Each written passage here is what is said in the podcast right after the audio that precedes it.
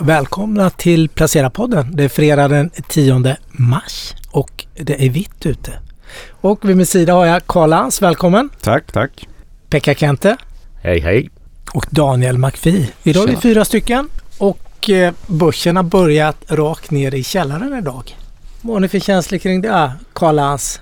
Ja men det känns väl jättebra liksom. Att vi äntligen får en liten sättning här nu när vi haft en sån uh, otroligt stark uh, inledning på det här året.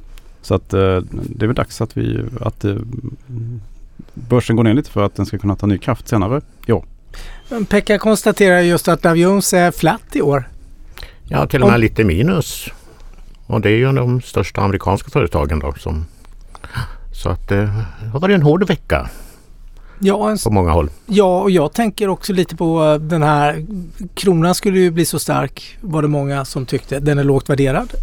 Dollarn är upp 3,5 procent sen årsskiftet nu. Att det har varit, hänt väldigt mycket sentimentsförändringar senaste veckan.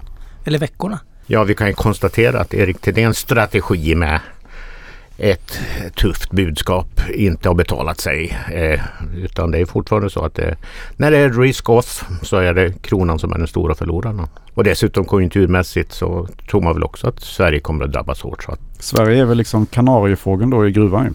Det var det vi, vi pratade ju um, med Catellas uh, eminent uh, ekonom. Ja just det med Arvid. Så, Arvid, Arvid, ja. mm. Arvid Lindqvist som uh, får mycket frågor då från utländska investerare om just Sverige. Just för att vi har så otroligt mycket korta lån då. Så att vi drabbas ju först då av räntehöjningar helt enkelt. Och det är väl mycket det som pressar kronan i det här läget. Ja, det är många som pekar på just det där att vi är så räntekänsliga och bostadsmarknaden ska kollapsa.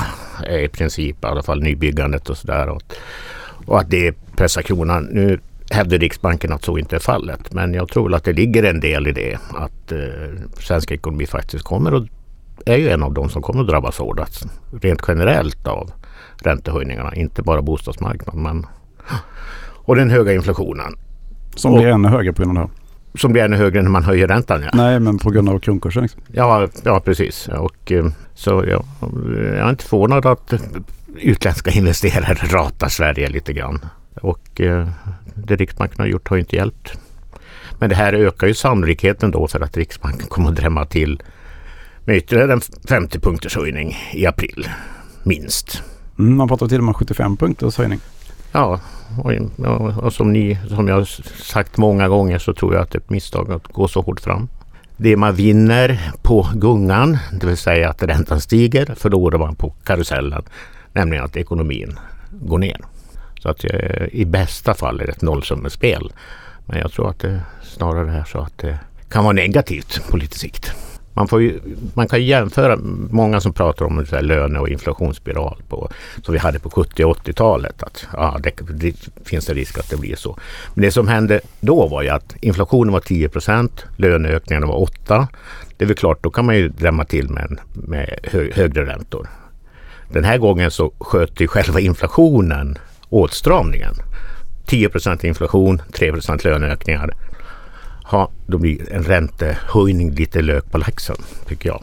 Ja, men vi fick lära oss igår att det finns andra länder som eh, lever väldigt bra. Vi pratade Indien igår, du och jag Karl. Just det. Eh, och där säger de själva att de, vad, vad var det? De är, det är euforiskt. Det är sån tillväxt i ekonomin och man är nära himlen. Himlen där. räcker inte till liksom. Nej, himlen räcker inte till. Det är liksom, och eh, lite intressant. Det finns stora variationer där ute. Stockholm är inte jättestort globalt. Det är knappt 1% av globala index. Så det är, det är ingen sån här jättetung marknad som påverkar nu. Om det nu blir väldigt tufft. Det kommer väl att påverka Stockholmsbörsen till viss del. Ja, till viss del. Eh, men som sagt det är jag menar Atlas Copco, Alfa Laval och alla de här företagen har ju väldigt stor del av sin verksamhet utomlands. Och eh, i Sverige har vi också en väldigt tung banksektor, index. Och de gynnas ju i alla fall inledningsvis av att räntorna stiger de är inte lika snabba med att höja inlåningsräntan som utlåningsräntan. Det, är lite osäkert hur det slår på den svenska börsen. Däremot så är det ju givetvis de som har en stor stor, efterfrå- eh, stor försäljning inhemskt eller har stor import i utländska valutor riskerar ju att drabbas hårt. För svenska börsen verkar inte tagit fasta på den här oron än så länge i alla fall. Vi är väl ändå upp 7 i år någonting trots dagens nedgång. Så det säger väl en del om hur man skakar av sig det på svenska börsen i alla fall kring de här orosmolnen som vi har pratat om ganska länge nu. Ja, eh, svenska börsen hade ju en konstig tjurrusning i inledningen av februari den, med två superdagar eh, som eh, enligt mig var helt oförklarliga. Så vi har väl lite Men det är kvar därför den. du har laddat upp med björnar ju, Pekka. Ja, det är därför jag har en, en, eh, en, en kort ETF. Mm. Eh, Exakt Bear. Mm, Och nu ligger den väl, jag var lite dålig timing på den men eh, nu ligger den väl äntligen på plus. Eller äntligen. Det Mm. låter ju dumt att säga äntligen när, folk drabbas hårt av en börsnedgång. Men Men tror du att vi ska ner till Dow Jones? Om Dow Jones är lite negativ i år så ska vi även se Stockholmsbörsen där. Kanske ska vi... ja, det är svårt att säga. Jag tycker väl att eh, USA eh, Powell, eh, Fed-chefen Jerome Powell höll, höll ju tal här i veckan. Och i USA ser vi en dramatisk uppgång när det gäller ränteförväntningarna. Som i april låg på att eh, Fed skulle nå ungefär lite över 4,5 vilket de ligger på. Och nu pratar man om att eh, räntan ska upp till 5,6-5,7 procent. Så det har skett ett dramatiskt skifte i USA som vi inte Visst, vi har sett ett likartat skifte även i, i Europa men det sker på- betydligt lägre nivåer. Och nu pratade jag med eh, Darin Turner från Invesco igår och han var ju rätt säker på att de ska upp till hela 6 Och han är ju då fastighets, eh, ans ansvarig för deras fastighetsinvesteringar då, så han är ju ganska tung. Ja, det, nej, men det kan mycket väl bli så. trodde de skulle nå det redan i juni Ja. då. Nej, men alltså, det har ju varit en dra- väldigt dramatisk vecka på räntesidan. Dels, dels så fick vi ju, en- om vi pratar om amerikanska räntor, tvåårsräntan steg över 5 Och nu de senaste dagarna har den fallit kraftigt. Så att det, det är lite förvirrat vad som sker. Fed pratar om kraftiga räntehöjningar men, och marknaden har börjat prisa in det. Men eh, däremot så har vi ju sett liksom att eh, till exempel långräntorna har gått ner de senaste dagarna. Och eh, den negativa tolkningen av det är ju att man tror att Fed kommer att bromsa för hårt. Att man det kommer att tvingas till en räntesänkning redan kanske i slutet av det här året. Så det, jag tycker det är en väldigt förvirrad räntebild där ute. Eh, Jag har svårt att tolka den. Vi får se vad eftermiddagens sysselsättningssiffror säger också. En ytterligare stark arbetsmarknadssiffra, då kan det skaka till eh, ytterligare. Skulle det däremot bli lite lägre så kan hela det här börsfallet vi har sett idag hittills reverseras till och med. Vi får se. Spännande minst sagt. Men de är inte så räntekänsliga i USA, det har vi fått lära oss. Hushållen lån, ja. har Mm. väldigt långa bindningstider så det påverkar ju inte så mycket för konsumtionen är ju... Den överraskar ju många. Vi har, det överraskade ju lite när vi summerade kvartalsrapporten här. Jag tänkte med, med Coeli-killarna igår.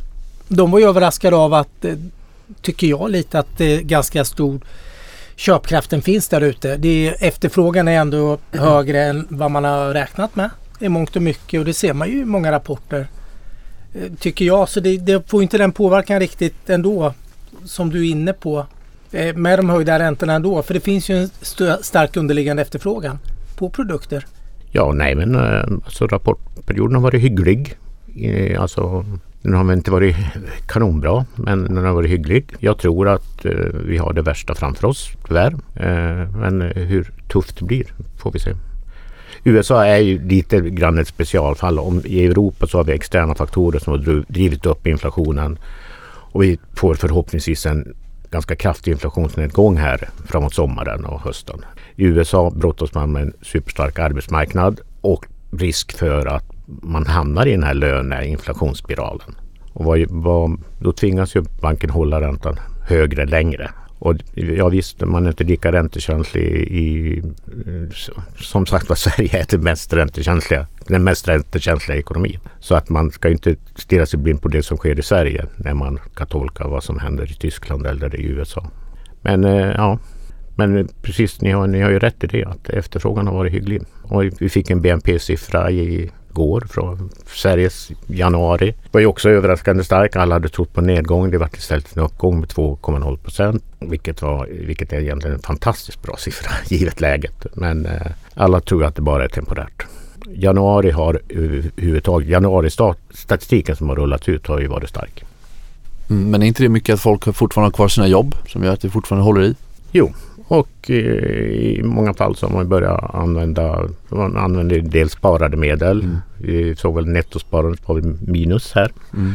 Och det är väl samma i USA, att man, man gräver lite djupare i plånböckerna. Trots allt. Ja, så kan det vara. Jag tänkte vi byter ämne. Jag har skrivit om, kan ni mycket om aktieåterköp? Det är inte jättevanligt i Sverige. Det är inte så många bolag som eh, pysslar med det. Jag ägde ett bolag som pysslade väldigt mycket med det. Som är uppköpt. Det var Swedish Match. Eh, de gjorde det systematiskt under en väldigt, väldigt lång period. Köpte de tillbaka aktier. Det var också de som hade flest eh, människor från Handelshögskolan tror jag, anställda. Av alla bolag på Stockholmsbörsen. Ja. Mm.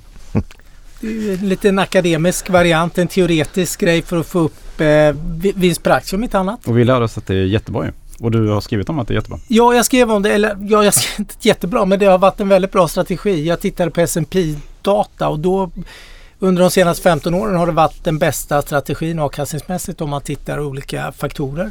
Har gått ung, ungefär 3 procentenheter bättre än S&P 500 index i genomsnitt under den här 15-årsperioden då. Eh, och då plockar man ut de 100 bolagen som gör störst återköp relativt eh, börskursen då. Eller börsvärdet. Vilka är de intressantaste bolagen här inom sektorn? Ja, men det finns... det- Den är, vi fick lära oss några intressanta bolag igår. Ordination, Ordination. U, U, vad är det? USAs största bilåterförsäljare va? bilåterförsäljare. Liksom. Håller på med begagnade bilar och service och reparationer och hela den och importerar bilar också till USA. Där köper man ju tillbaka extremt aggressivt. Det är ett Warren Buffett-bolag för övrigt fick vi lära oss. Warren Buffett är inne där och de gör extremt stora återköp. Det var väl närmare 25 procent va? 25 procent i fjol. Mm. Eh, och den kan vara lite frontloadad för att det har blivit, man har lagt på en skatt nu på 1 procent från och med årsskiftet nu. Eh, som kommer i det här nya IRA energiomställningspaketet då. Det ska ju finansieras också. Då var det en del av det.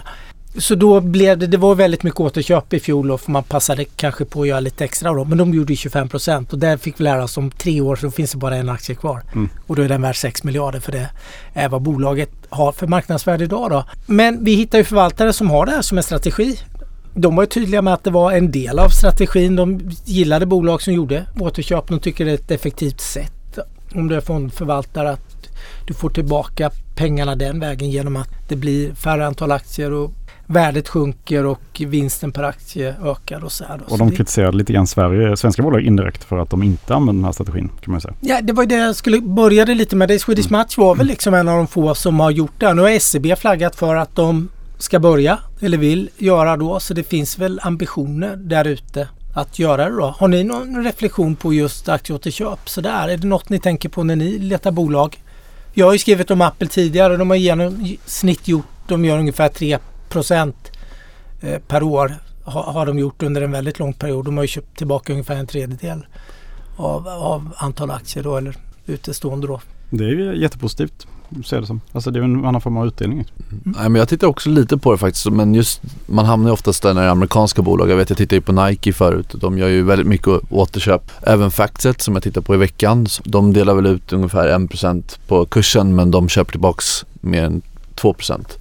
Så att eh, det är ju som du säger Karl, det skapar mycket värde genom att det minskar eh, antalet aktier som är utstående. Men man undrar ju lite grann varför det inte är så populärt i Sverige just för att man tycker ändå att vi gör mycket bra grejer annars. Men jag tror det finns aktieåterköpsbolag egentligen fast vi har missat dem lite. Det tror jag är de här förvärvsbolagen egentligen. Som eh, förvärvar istället för att eh, dela ut pengarna. För de hittar intressantare eh, objekt då. Mm. Det är ju egentligen bakom teorin. Har du inte tillräckligt intressanta objekt i verksamheten eller tillräckligt lönsam. Ja, men då kan vi dela ut. Kanske som i Apple-fallet då. Det, kan man bli så himla mycket större och man drar till sig konkurrenslagstiftningar eller sådär. Det blir mycket annat och i Google-fallet. För då, de är ju stora, de här stora teknikjättarna och Bank of America. De är ju liksom de som gör liksom störst i absoluta tal blir det ju störst när de gör sina återköp. De står ungefär för 25 procent av alla återköp som gör i USA i, i eh, total, totalt värde då. Eh, Och det är väl att det kanske inte finns så mycket liksom stora investeringsmöjligheter att göra. Man kan ju inte bli f- för dominant heller på, på sin marknad då. Men många nischspelare, jag tänker lite på Nibe, jag tänker på BRF. Det finns många eh, bolag som har som affärsidé att då förvärva och konsolidera för de är på en marknad som är kanske väldigt fragmenterad. Det finns många små spelare och så vidare då. Eh, Så jag tror nog att det finns en, en svensk variant på de här återköpsbolagen som varit lite av de här förvärvsbolagen då, som har gjort det här under väldigt lång tid. Jag tänker på Lifco. Det, det finns ett antal. En svensk modell. Ja, men Mm. lite så här gör vi i Sverige när, när vi gör återköp. Om, ja, det, det blir inte samma sak. Du får inte upp BPSen på samma sätt. Men det är en variant av det Mm. skulle jag säga. Mm. Det kan säkert stämma. Eh, I Tyskland vet jag att det är ju de stora återköpsbolagen är ju eh, Munich Re. Alltså världens största återförsäkringsbolag och sen är det Allians. Ju köper tillbaka aggressivt också. Sen såg jag också att um, Mercedes-Benz ska ju återköpa väldigt mycket aktier nu också. I år då. Så att eh, det är möjligt att det, det sprider sig till de andra DAX-bolagen också då. Mer.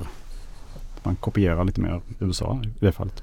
Det enda problemet med det väl som är risken är att det görs på väldigt höga kurser. Mm. Eh, vilket man aldrig vet på förhand såklart. Men det var väl det vi fick se bland annat i fastighetssektorn förra året. Att det var väldigt stora aktieåterköp som råkade visa sig vara på väldigt höga kurser. Så att man måste ändå ha något form av tilltro att det finns någon form av timingfrågan hos ledningen där. Att de görs vid rätt tillfällen. Ja, Jag vet det- Factset som jag tittar på till exempel. De har gjort väldigt mycket aktieåterköp under 2018, 19 och 2020. Men till exempel 2022 så har de, ja deras aktiekurser gått väldigt bra så har de, har pausat. Och det kan väl vara en stor förklaring till att de tycker att det är lite för hög värdering. Då.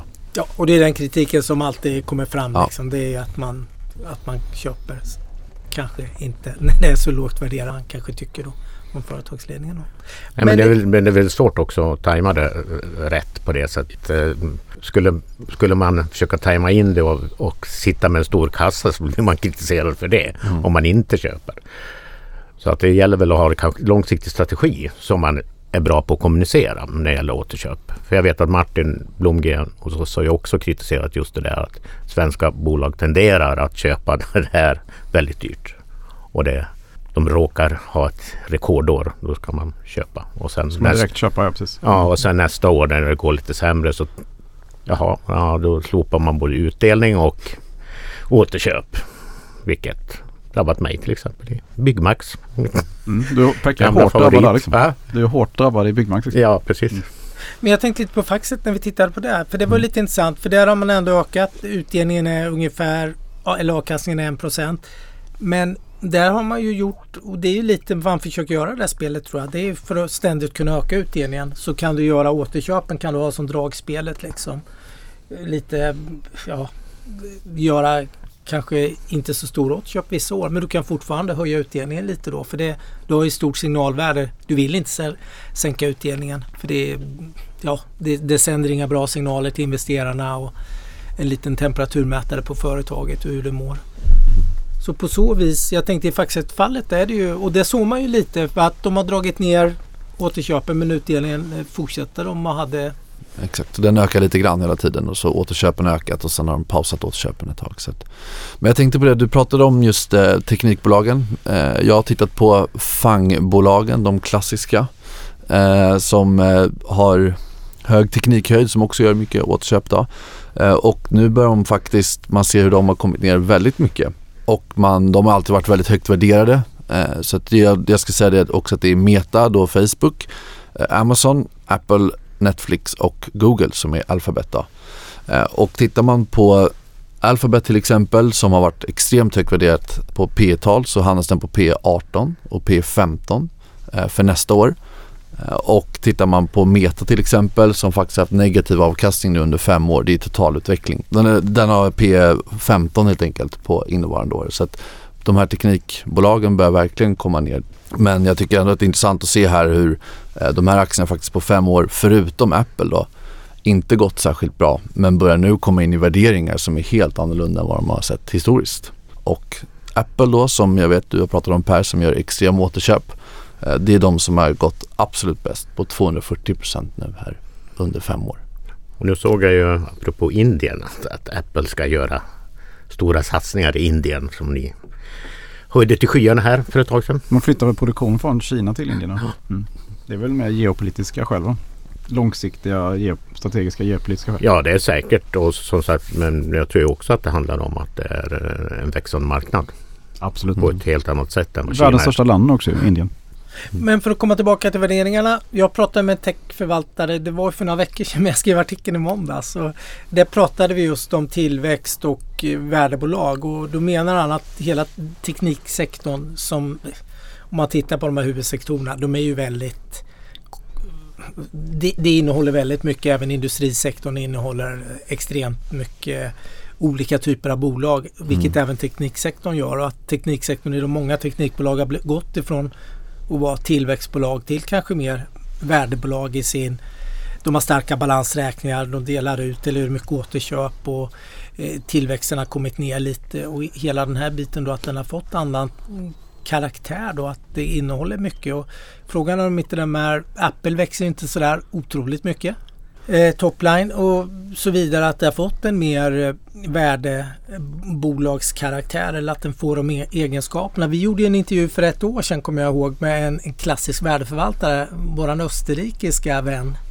Eh, Just det, från Amundi. Mm. Ja, och mm. den gjorde vi för ett år sedan, i februari kommer jag ihåg, när hela det här racet. Och då sa han att han hade börjat titta mycket på teknikbolag. Aldrig mm. ägt några teknikbolag i Just princip det. tidigare då som värld, europeisk värdeförvaltare. Men sa att ja, men de har kommit ner och då köpte han Infineon kommer jag ihåg. Infineon det var köpte jättebra timing då. Ja, mm. ja men precis det kommer jag. Och det var ju just det här resonemanget att de ändrat karaktär och på något sätt de har mognat och då bli, fått en mer värdebolags Ja, och jag menar de har, de har ju fortfarande samma liksom, produkter och teknikutvecklingen ja. och visst det finns ju kritik kring flera saker när det gäller deras ställning så att säga men de är ju fortfarande väldigt dominanta och innovativa och har en extremt ledande ställning. Så att min tanke egentligen att det kanske finns bättre möjlighet att få avkastning på de aktierna nu än för fem år sedan. Mm. Med tanke på att då köpte de till sinnessjuka värderingar så trots att de fortsatte att växa så hängde aktiekurserna inte med. Då. Nej men jag äh. håller med och att de attraherar mm. lite som Kas och mitt resonemang var att det attraherar en större investerarskara då. Ja. För att du har värdeinvesterare helt plötsligt som inte har tittat på, de har inte ägt en Apple eller Microsoft eller, eller Meta tidigare för det har varit för högt värderat och, och, och massor med andra parametrar och inte varit särskilt eh, gynnsamma då i deras eh, investeringsprocess då. Men mm. nu börjar de komma in och fyller, ticka för fler och fler eh, boxar där då så du får kanske ett större Eh, investeringsbar, fler investerare. Ja, tar du Netflix till exempel, de har ju verkligen växt vinsten senaste åren väldigt, väldigt mycket. Eh, den aktien också eh, ja, i princip flat på fem år. Eh, så att det också handlar om egentligen att de har växt in i sin värdering. Sen så ska man ju säga det att de här aktierna rör sig extremt mycket. Sentimentet påverkar mycket. Netflix och Meta vet jag, de är väl upp säkert över ja, 80-90% sen sina, sina respektive bottnar i somras och i höstas. Så att, Eh, det finns fortfarande extrema rörelser och det, marknaden tenderar att tycka väldigt olika om de här under vissa perioder. Mm. Det är intressant, jag eh, på techaktier. Jag fick en, ehm, jag följer Morgan Stanley, skriver ganska mycket. Och de är ju rätt så, eh, ja de ser ju rätt negativt på börsutvecklingen kommande månaden här. Men då har de gjort en litet diagram här över techaktier som de tycker att man ska äga innan börsen kommer att gå dåligt här. Nu kommande månaderna. Och eh, saker man då ska köpa precis eh, när, det, när vi har sett en nedgång. Och sen eh, det man ska då köpa sen när det har börjat vända upp lite grann igen nu. Och det är ganska intressant eh, uppställning då att eh, nu till exempel då så tycker de att man ska köpa då väldigt hög kvalitet och defensiva bolag som typ Visa, lägger de in här som ett eh, techbolag då. Netflix till exempel gillar de också här. ServiceNow, Workday, T-Mobile räknar de också som ett techbolag då i det här fallet. Och det man ska handla då när vi har då, då sett en eh, nedjustering av börsen här som de då tror kommer inom ungefär ett kvartal härifrån. Då tycker de Walt Disney, eh, Warner Bros, Teenable, eh, Paypal tycker de ska vara intressant att köpa upp här. Eh, Snowflake, Twilio, Datadog till exempel. Och sen när man då har ser att vi börjar vända upp igen. Då tycker de att eh, Amazon är intressant. Apple, Uh, Palo Alto Networks, uh, mm. världens största säkerhets, uh, IT-säkerhetsbolag. Mm. Uh, Accenture, Microsoft, Salesforce är bolag då som de tycker är intressanta sen när du, när du ser att det har börjat vända lite. Så det var lite intressant. Flash de skickade ut så här inför. Nu har vi sett börsen börjat gå ner här lite kanske så det kan ju vara början på en, en längre nedjustering eventuellt. Det är något som lyssnarna kan skriva upp på sina listor. Men ska man sälja de andra då som man köper tidigare eller vad förtäljer inte historien där? Nej, och som, eh, som mini mikrosparare med lång sikt så kan man nog strunta i den där uppdelningen tror jag. Utan Det är Ja. väl bara att köpa helt enkelt. Eller ha dem på sina listor och så handla när de, man tycker att det är lagom. Liksom. Ja, för det vet vi alla. Mm. Tajma toppar och bottnar är ju eh, kanske den eh, största konsten av dem alla som Mm. i princip ingen behärskar. Lite köptips från Karl Lantz, vad bra. Ja. Har ni gjort några andra egna affärer nu då? Det har ju varit ganska stökigt. Ni som ligger ni kvar och bäsar på här ni två herrar? Pekka, Som, vi är så imponerade av din Lufthansa-trade här. Lufthansa är upp över 30% i år. Och det är ju ändå liksom världens, en av världens svåraste branscher, flygbranschen då, Ja, att tjäna pengar på. jag är flygexpert nu. Nej då, men eh, jag eh, jag kan ju säga, jag kan berätta varför jag köpte just Lufthansa. Ja, det vill vi Eh, verkligen när, när jag gjorde det. Och det var ju att eh, alltså alla flygbolag gick ju genom golvet här med covid och annat. Och, och utan att veta särskilt mycket om resultat och skuldsättning så utgick jag från att vilka har den största inhemska marknaden Mm. och är hyfsat väl divers- diversifierad. Ja, det var Lufthansa. Mm. Man skulle kanske kunna tänkt sig någon fransk bolag eller sådär men det är mycket statligt ägande och sådär. Eh, men eh, ja, så det var därför. Folk kommer att flyga igen Mm. var väl tanken. Det är precis det som har hänt också. Ja. Och, att, och det är verkligen Lufthansa som då marknadsledaren i Europa då som har dragit mest nytta av det. Och sen gjorde man ju det smarta valet att man eh, köpte på sig nya plan innan det skulle vända upp. Dessutom gjorde man en ny emission som jag var med på för att sänka sin skuldsättning. Så de gjorde många bra saker. Så det har varit väldigt lyckosamt. Men, eh, Men hur länge behåller du Lufthansa här då? Ja, nu börjar det väl kännas lite ansträngt. Det kan nästan Nu inte bli lättare. Liksom. nu får jag väl gå in och titta på en resultatrapport här. Men eh, de kom ju med ett antal vinstvarningar inför kvartalsrapporten och sådär. Så, och kvartals, eh, marknaden reagerar väl också positivt på, på själva kvartalsrapporten. Alltså omvända Var vinstvarning. det- Omvända Ja, vinstvarningar. precis. mm, Mm. Alltså positivt. positivt. Men, eh, men jag kommer nog att sälja av en del. Jag kan ju sälja av de som har köpt i nyemissionen. Ja, just det. De är faktiskt upp med 300 procent nu. Oj, det är otroligt ju. Mm. Nej, men det, är, det är ju väldigt eh, snyggt att tjäna pengar på eh, just flygbranschen. För det är ju väldigt många som köper just flygbolagsaktier då. Men då är det framförallt SAS och Norwegian här till exempel i, i Skandinavien. Då. Ja, det är. Men det är ju inga bolag där man tjänar, oftast tjänar några pengar på som småsparare i alla fall. Jag var inte så hemmakär. Nej, Nej det har, Ja, jag har du gjort någonting annat då? Nej, faktiskt inte. Ja, mina Nixer har jag ju sålt av då. Och eh, sen ligger jag med mitt BEAR-certifikat där. Mm. Som väl eh, om dagen slutar som den börjar så är jag väl äntligen lite på plus på den. Eh, nej, så annars ligger jag lågt. Jag tycker jag är lite nervös. Och sen det kanske vi inte ska prata om riktigt men eh, det är ju någon sorts minibankkris under upphällning i USA här eh, som vi inte riktigt vet följden av. Eh, som kan, kan vara ingenting men som eh, kan också sprida sig genom systemet. eller Om- den, den svarta svanen. Den Ja, som den ingen har sett. Ja. Alla har pratat om något annat och tittat på andra saker. Ett nytt Liman liksom. Ja. Ja, nej, nu tror jag inte det blir riktigt så tufft men, men det kan bli en del obligationsportföljer som kanske måste säljas ut eh, Jag såg till stora Alecta var, förluster. var fjärde största ägaren i det där bolaget. I det här som eh, Mm. sålde ut. S, Silicon Valley Bank. Mm. Ja. Det var 8 miljarder. 8,5 miljarder var det värt. Bra att du inte ska gå i pension ändå. Mm. Om du hade dina pengar hos Alecta. Ja, det har jag nog inte. Nej. Ja, jag har gjort lite affärer. Eh, jag har faktiskt sålt lite SUS, Surgical Science, som har gått bra nu efter en väldigt bra rapport. Per till grimaserar här. Ja, Mm. Ja, ja. men det här handlar om att skala. Eh, och sen eh, har jag sålt lite, lite Troax. Det var väl en av dem man köpte i, i höstdippen där, där de har haft lite tur. Eh, så de har jag skalat ner. Det finns lite konjunktursoro där kanske. Eh, men jag har kvar en liten position där också. Och sen har jag ökat på lite i Alfen som vi har pratat om innan, nederländska bolaget som vinner på elektrifieringen. Den har ju gått ganska dåligt ska man ju också säga. Så att därför snittar jag ner mig. Och sen har jag köpt eh, lite Axtron som jag skrev om förra veckan som är det tyska bolaget som gör eh, Halvledare. Halvledare. maskiner till Ja, utrustning Ja, för utrustning, halvledare. Mm. Du börjar verkligen liksom komma ner i Nederländerna, Tyskland nu. Ja, verkligen. Välkommen dina, ner till Europa liksom. dina områden. Mm. Men eh, de har ju, hade ju en väldigt bra rapport. Sen så kom det ut lite rykten om att Tesla inte skulle, eller rykten var det inte, de bekräftade att de Mm. inte skulle använda samma eller den formen av halvledare och material som används som Axtron gör utrustning till. Men eh, vi får se, det är lite Ja. brus kanske. Kan vara. Kan vara. Ni då? Yes, eh, jag har gjort, eh, börjat eh, hoppa in i, i sån här, den här bottenfiske, bottenfisken igen som jag gillade att göra förr i tiden. Ja. Eh, och jag återvänt till Tyskland igen.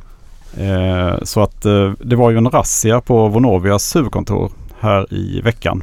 Och då, tänk, då gick aktiekursen ner. Eh, och rass, anledningen till razzian var ju att eh, medarbetare då misstänks ju ha tagit mutor för att eh, ge renoveringsuppdrag. Eh, så att Vonovia då ser ju sig som offer här liksom. Och aktiekursen gick ner ganska mycket på det. Eh, Så att då köpte jag lite Vonovia. De handlas ju till rejäl rabatt mot navet Mm. och de är inte särskilt skuldsatta. Det beror lite grann på hur, man, hur mycket man tror att de måste skriva ner då värdet på eh, portföljen. Men eh, det ska till något enorm kris för att det ska liksom hända något där. Att de defaultar då. Så att jag köpte den och sen nästa dag eller igår så kom ju LEG Immobilien som är Tysklands näst största bostadsfastighetsägare med sin rapport där de då valde att dra in utdelningen helt och hållet och sparka finanschefen. Nu sa de att finanschefen då att det var personliga skäl, så att hon ville flytta tillbaka till London. Så att det är inte säkert att det var så dramatiskt. Men eh, aktien följde ungefär eh, 13 procent på det. Och eh, den handlas ju också till extrem rabatt då mot NAV. Eh, samtidigt som det är då hyresfastigheter i västra Tyskland. Så att då, vi hade ju problematiken för två, tre år sedan med, med Berlin då att de eh, ville sätta hyrestak och så. Vänsterregeringen då i Berlin.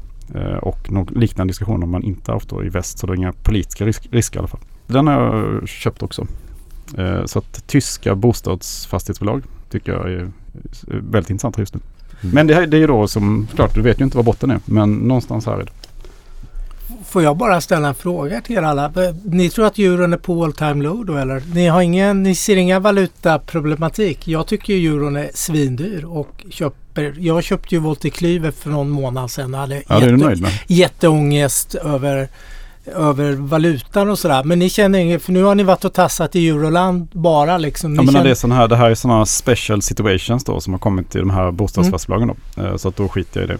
Okej, eh, bra. Ja, mm. men jag, jag Man bara behöver undrar. inte, nej, jag- just valutor har jag inte ångest över. Nej. Det är klart att man har sett det och därför kan man ju köpa in under flera tillfällen. Ja, jag, jag. menar det. För nu är den ju uppe i 11,40 eller någonting igen. Eller 11, ja. den, den ligger och harvar där, euron. Jag, jag bara ville höra hur ni Det är inte säkert resonerar. att jag köper Volters Kluver just nu.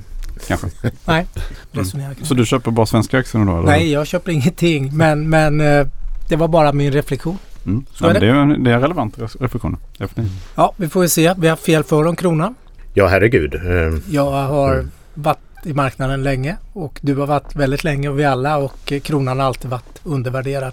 Så är det. Det var någon gång där 96 som det var. Men det var ju också bra 20, sommaren 2013 var det också. Innan Draghi kom med Whatever It Takes. Ja, Då var den nere i 8 och 20 vet, minns jag när jag växlade in när jag var i Italien. Och tänkte nämligen att jag ska växla extra mycket nu. För det här Bra. kommer inte att komma tillbaka liksom. Eh, Bra Karl-Hans, du har bra känsla för det. Vad säger ni? Det är fredag. Yes, Mm. yes. ha en trevlig helg. Trevlig helg. Trevlig helg. Trevlig helg på er.